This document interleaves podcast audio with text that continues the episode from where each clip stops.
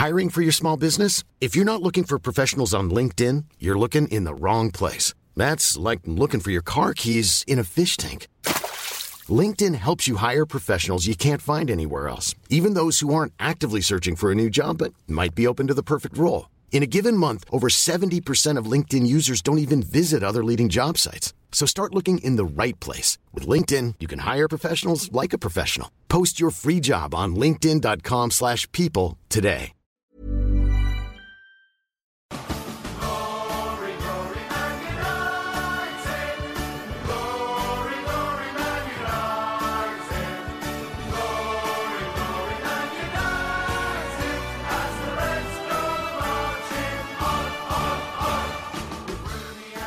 Halo pendengar ganteng-ganteng Manchester United Podcast, baik lagi uh, di GGM Podcast dan kali ini gue pengen mengucapkan syukur ketika orang-orang merasa dihianati oleh Mola karena tidak bisa diakses. Gue justru merasa uh, bangga karena gue tidak menonton kekalahan MU 2-0 dari City gitu kan. Awalnya gue ngerasa ah gini Mola nih gitu kan. Eh tapi lama ayo udah emang sengaja kali gitu kan biar nggak banyak orang kecewa lebih gak usah nonton gitu kan.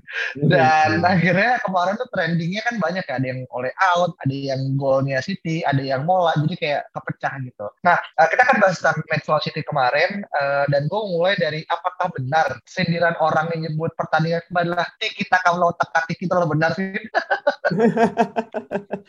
ah, teka-teki untuk backnya sendiri ya, ini bingung nih, gimana ini menghadapi permainan Man City yang sangat-sangat fluid gitu. Hmm, iya, ya, ya, ya itu benar banget sih gitu. Bahkan kayak Man City bermain ya seperti selayaknya Man City gitu. Kadang mungkin emang dia nggak perform, tapi ya kalaupun mereka nggak perform, permainannya tetap tertata dengan rapi seperti kemarin kayak gitu. Dan gue melihat memang ya gue nggak paham sih ya gitu. Padahal formasinya udah 3-4-3 atau 3-5-2 deh gitu. Cuma ternyata di babak kedua akhirnya uh, diganti kan Erik Bayi sama Sancho. Cuma pada akhirnya kayaknya memang balik lagi yang seperti kita udah pernah bahas bahwa mengganti formasi itu nggak semudah kayak lo di game, lo dari 4-2-3-1 ke 4-3-3 atau jadi 3 back itu nggak asal pasang pemain, tapi emang pemain-pemain yang dipasang itu harus paham sama role-nya gitu, sama perannya masing-masing dan kayaknya peran-peran itu nggak spesifik gitu loh, entah coachingnya kurang atau pemain yang nggak paham, deliveringnya kan berarti kan uh, apa menyampaikan ide tentang peran itu dari pelatih ke pemain itu yang nggak nyampe mungkin gitu. Jadi ya kalau kita lihat ya udah Wan Bisaka show itu ya pasif banget di wing back gitu loh. Jadi kayak udahlah lu main 3-5-2 asal tumpuk pemain tapi role role nggak jelas. Hmm.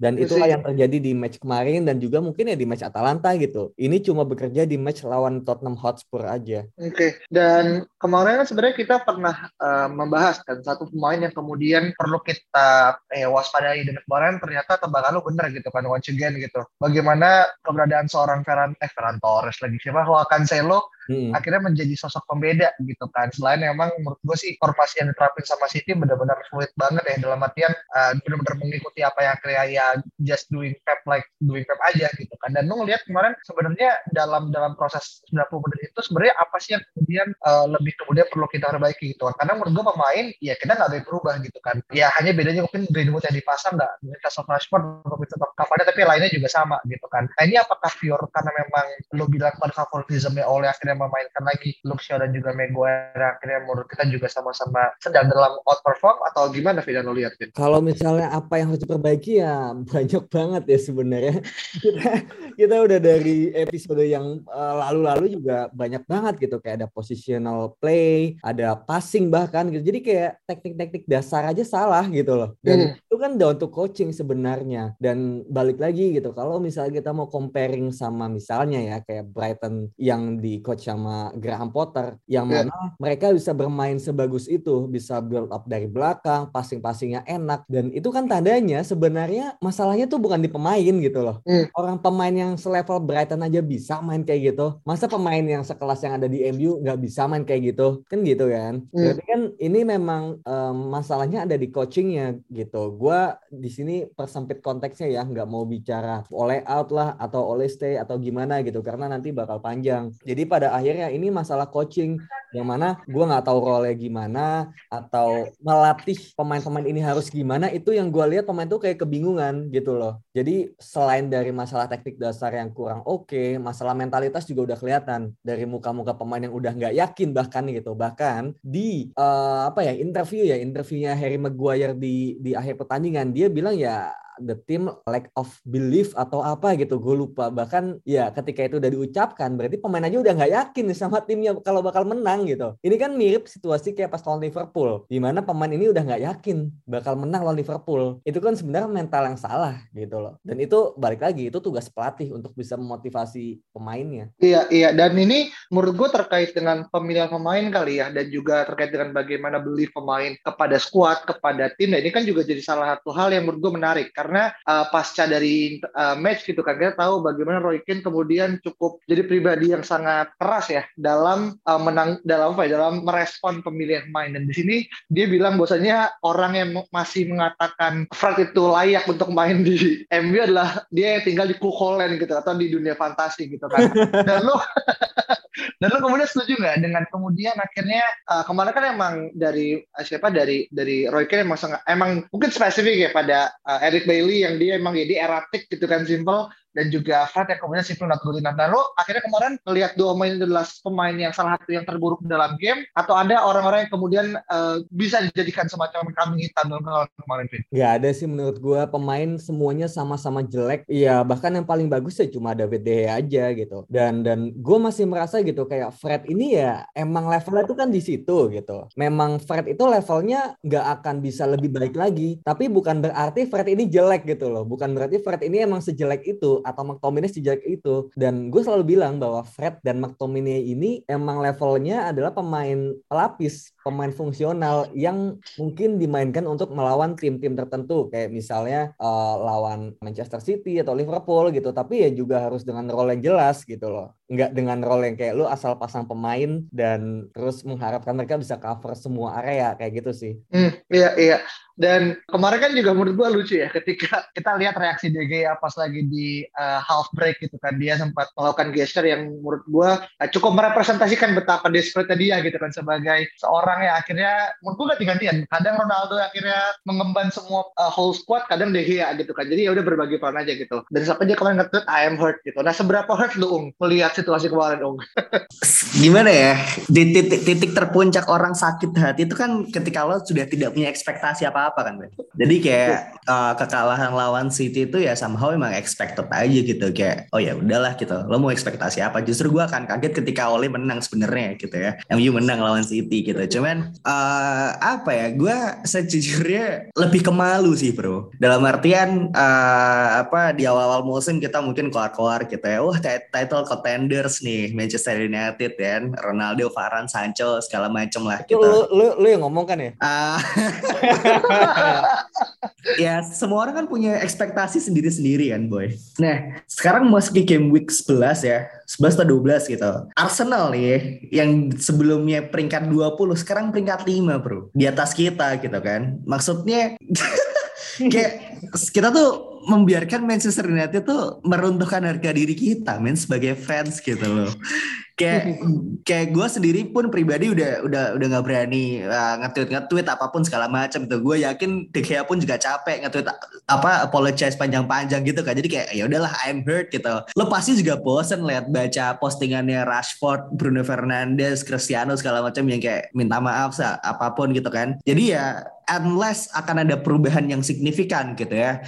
Entah di sisi manajemen ataupun di mana itu ya ya siap-siap aja kita akan melihat hal yang sama setiap minggunya. Hmm, ya dan juga ini ada prediksi kalau uh, sampai dengan Senin hari ini kita tuh sebenarnya bisa menempati urutan ke-10 gitu kan. Di mana baru kali pertama kita akhirnya terjun uh, bebas gitu kan bahkan di bawah Arsenal gitu. Dan yang paling lucunya adalah ada stat yang mengatakan bahwa 21% dari kekalahan MU di kandang selama apa namanya semua season ya gitu kan. Itu malah di bawah under, under oleh manajemen gitu kan. Nah, lu gimana Vin menanggapi saat itu Vin apakah itu ya udahlah dan itu akan menurut lo akan terus bertambah atau apa yang lo bisa tangkap dari data tersebut Iya, sebenarnya kalau misalnya lihat stat itu, em, kalau musim lalu mungkin nggak terlalu banyak gitu ya. Cuma dan banyaknya kan di musim ini gitu, kayak lawan Villa, lawan Liverpool, lawan Man City, dan jumlah kebobolannya juga sangat-sangat fantastis gitu. Cuma pada akhirnya em, statistik itu kan hanya memperparah situasi gitu sebenarnya gitu, manas-manasin situasi di mana Ole ini di ujung tanduk gitu. Dan masalahnya tuh jauh lebih besar daripada stat yang tadi gitu. Yang mana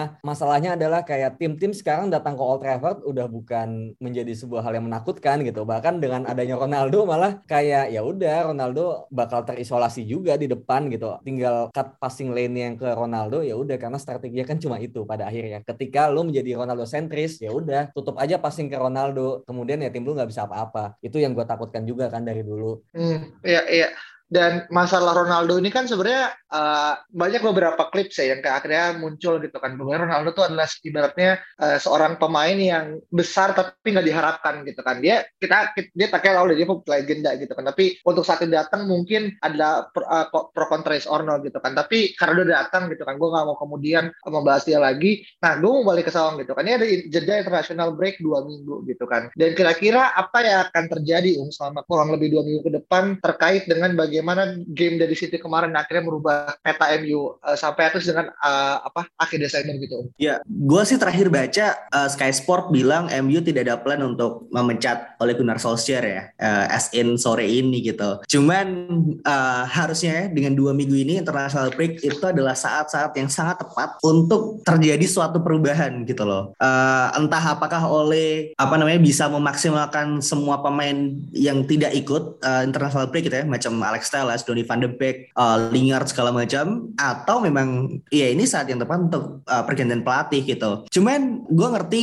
manajemen mungkin bingung gitu ya siapa yang akan menjadi pelatih gitu. Nama terakhir yang muncul adalah Ralf Ragnick gitu. Uh, mungkin banyak yang belum dengar uh, orang ini tuh dulu sempat ngelatih RB Leipzig kalau nggak salah dan dia menjadi fondasi RB Leipzig sekarang gitu. Di sisi lain sekarang ini apa pun yang terjadi Manchester United gitu, perubahan apa pun itu akan menjadi suatu perubahan yang signifikan men. Improvement yang signifikan gitu loh. Jadi kalau kalaupun dalam dua minggu ini tidak terjadi apa-apa gitu ya ya we have to accept kalau United sudah tidak punya ambisi lagi sih menurut gue hmm. iya ya dan, dan dan apa ya gue juga sebenarnya ya melihat situasi pemain gitu kan pemain yang kayak udah nggak yakin gitu sama uh, timnya nggak yakin bahwa timnya bakal menang melawan Man City dan Liverpool kemarin. Ya memang ini udah masalahnya udah sampai ke dressing room gitu loh. Mungkin kita melihat bahwa banyak yang bilang ya lu harus lebih percaya omongan pelatih yang ada di press conference ya bahwa pemain ini masih nge-backing pelatih atau pemain-pemainnya masih bicara di media bahwa mereka mendukung pelatih. Tapi kadang-kadang gestur muka mimik wajah ketika di lapangan tuh nggak bisa bohong gitu loh. Mereka bisa ngomong sesimpel as uh, PR aja gitu. Mereka nggak mungkin dong mereka throwing the manager under the bus gitu. Mereka nggak bisa menjelek-jelekan manajer di depan media. Tapi ya balik lagi gue tidak melihat itu tidak melihat hal yang sama ketika di lapangan gitu. Yang di lapangan yang terjadi adalah ya pemain udah nggak tahu mau ngapain gitu loh. Jadi ya, jadi badut.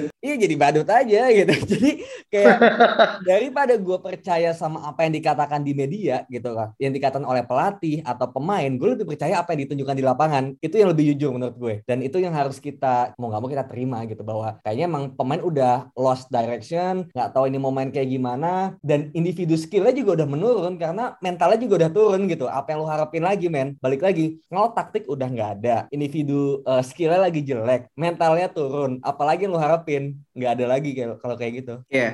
Dan semenjak United kalah 5-0 lawan Liverpool, sudah ada tiga pelatih Premier League yang dipecat, bro. Jadi gue nggak ngerti apakah uh, tim-tim ini lebih punya ambisi daripada, daripada Manchester United atau memang gimana ya manajemen manajemen ya tidak berani ambil keputusan yang besar gitu loh. Gue nggak ngerti seberapa yakin sih sebenarnya. Apakah memang Glazer ini ambisinya atau cita-citanya itu ya cuma lolos Liga Champions doang atau ya juara liga gitu loh. Cuman untuk tim segede ini masa ya cuma lolos juara apa Liga Champions doang gitu kan. Basket, bahkan West Ham aja tuh punya ambisi yang lebih besar bro daripada United saat ini gitu loh. Kemarin aja ngalahin Liverpool di 3-2 gitu. Sekarang peringkat 3 gitu kan. Secara performa juga jauh lebih bagus daripada United sekarang gitu.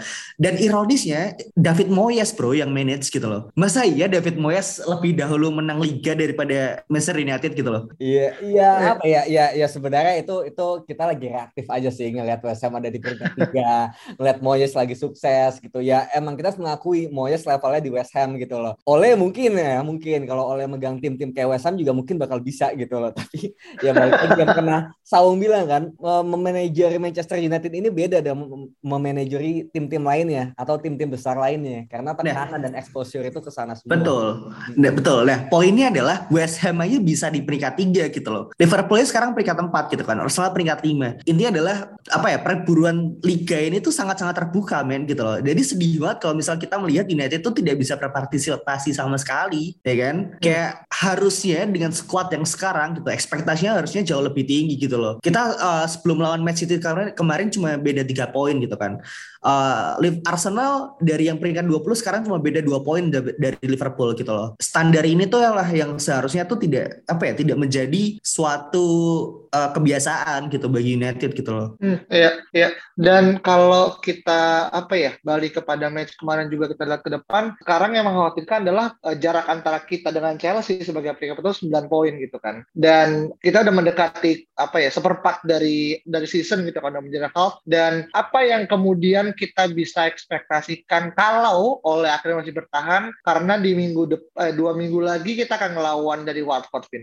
lawan Watford ya. Ah sebenarnya gue udah nggak bisa ngomong apa-apa sih karena dengan situasi kayak sekarang mau lawannya siapa pun ya mungkin kecuali Tottenham Hotspur gitu ya MU bakal kesulitan dengan tim uh, melawan tim besar itu MU bakal kayak diobok-obok gitu kan. Kalau ngelawan tim kecil, MU bakal sulit untuk membongkar dan kemudian kena counter gitu. Jadi kayak sekarang melawan tim apa yang MU bisa menang, gue bahkan nggak tahu gitu loh. Bahkan Atalanta juga gue tidak melihat itu sebagai match yang apa ya, yang bagus gitu. Bahkan MU tertinggal dua kali dan lagi-lagi Ronaldo ini menjadi menjadi penyelamat lagi gitu. Dan mungkin ya mungkin ya ide revolusioner gue gitu, yang mungkin bisa menjadi saran kepada Ole, yang menurut gue sangat nggak mungkin sih untuk dilakukan adalah ya memainkan pemain-pemain yang nggak pernah bermain sebelum sebelumnya kayak gitu. Van de Beek main, Lingard main, Teles main, Dalot main dan cadangkan pemain-pemain yang memang out of perform. Kayak misalnya Bruno, Bruno udah jelek banget men, kecuali lawan lawan Spurs dan Maguire, Shaw itu pemain-pemain yang kayaknya udah udah nggak bermain dengan baik harus di harus diturunin gitu loh. Jangan dimainin terus. Jangan-jangan memang pemain-pemain yang ada di bench ini bisa memberikan sebuah perubahan kayak gitu. Kita lihat kemarin babak kedua Van de Beek dan juga Sancho kita lihat. Kalian bisa lihat Sancho itu pas baru masuk dia nyari-nyari posisi di tengah gitu loh, mencari bola gitu. Dan itu itu adalah gesture yang sangat-sangat kita inginkan. Jadi kita mungkin cuma menyalahkan, oh pemain ini nggak bisa passing, Fred McTominay passingnya jelek. Jangan-jangan masalah lebih besar dari itu. Jangan-jangan emang nggak ada movementnya dari pemain yang penerimanya gitu loh. Receivernya nggak ada. Jadi pemain sebagus apa pun bakal kebingungan juga. Dan Sancho kemarin sudah memberikan sebuah uh, sikap yang tepat yaitu meminta bola di antara uh, pertahanan dan gelandangnya City. Dan itulah kita kenapa membeli Jadon Sancho kan kayak gitu. Van de Beek juga harus coba gitu dimaksimalkan. Kita lihat lawan Atalanta kombinasi Sancho dan Van de Beek dalam 5 atau 10 menit itu cukup menjanjikan meskipun cuma segitu ya menitnya dan itu menurut gue patut untuk dicoba lawan Watford sebelum kita lawan Chelsea dan juga Arsenal back to back dalam rentang waktu tiga hari kayak gitu. Oke hmm, oke okay, okay. dan mungkin sebelum ke Saung ya jujur pas kemarin gue sebelum nonton City itu nonton U23 nya dan gue jujur jauh lebih happy lihat U23 nya main gitu jauh lebih at least ada ada iramanya terus juga secara pemain juga menurut gua bagus-bagus gitu kan dan salah satu tadi sempat Saung sempat bilang kemudian ada rencana untuk ganti pelatih Ralf Ragnick bahkan Brandon Rodgers gitu kan. Atau mungkin bahkan kayak sekadar Erik Ten Hag gitu. Ya mungkin kita akan bahas secara khusus ya di episode berikutnya gitu kan. Dan kira-kira nih Ung gitu kan. Mungkin pertanyaannya agak mirip dengan apa yang gue sampaikan ke Alvin gitu kan. Tapi gue pengen lebih kepada menyoroti uh, gimana kemudian kita sebagai seorang fans gitu kan bisa memberikan tekanan gitu kan. Bukan berarti kita harus menyerukan oleh out ya gitu kan, atau oleh stage. Tapi gimana akhirnya sebagai fans harus uh, apa ya bersikap di di era yang sangat-sangat buka ini dong sebagai seorang fans MU. Gimana ya uh, sebagai penonton layar kaca mungkin ya cukup sulit ya sebenarnya mungkin selain uh, apa ya menyerukan uh, oleh out atau uh, Glazers out segala macam ya ya berpartisipasi aja sih kayak diskusi-diskusi terbuka di Twitter gitu kan segala macam ya. Cuman uh, gue barusan lihat mungkin fans-fans luar negeri gitu ya fans-fans di UK udah mulai bikin protes men gitu loh baru sana udah mulai bikin protes di Old Trafford. Uh, gue nggak tahu kapannya gitu. Cuman uh, dari uh, media-media sosial fans-fans United di sana gitu ya, fans fanbase fanbase di sana dengan berita yang baru saja muncul gitu ya, mungkin nanti ke depannya akan ada uh, gerakan massal gitu ya di Old Trafford yang seharusnya bisa mendorong Glazers dan juga manajemen untuk melakukan suatu perubahan sih, men. Hmm, iya, iya. Berarti kan ada tuh beberapa orang yang bilang, oh enggak kok kalau fans di Inggris tuh malah pengen oleh Stays. Berarti ini udah nggak berlaku bagi dong? Yang pengen oleh Stays itu kayaknya cuma fans Liverpool, Arsenal, Chelsea, City, dan lain-lain sih, bro. Dan Coach Justin. Bahkan uh, waktu match kemarin, waktu match lawan City yang cuma nyanyiin chance-nya oleh tuh fans City, bro. Itu kan gimana ya? Agak sedih ya. Iya iya iya ya. Dan sebenarnya kan banyak ya komentar masuk uh, Misha Risat kemudian akhirnya ngomong bahkan yang paling gue takut tuh Jamie Redknapp gitu bilang kayak gue tuh ngeliat dressingnya MU itu udah kayak camping bone gitu. Bayangin orang camping gitu kan seneng-seneng bercanda-bercanda main api unggun dan dia bilang ya itu MU gitu kan dressing room gitu.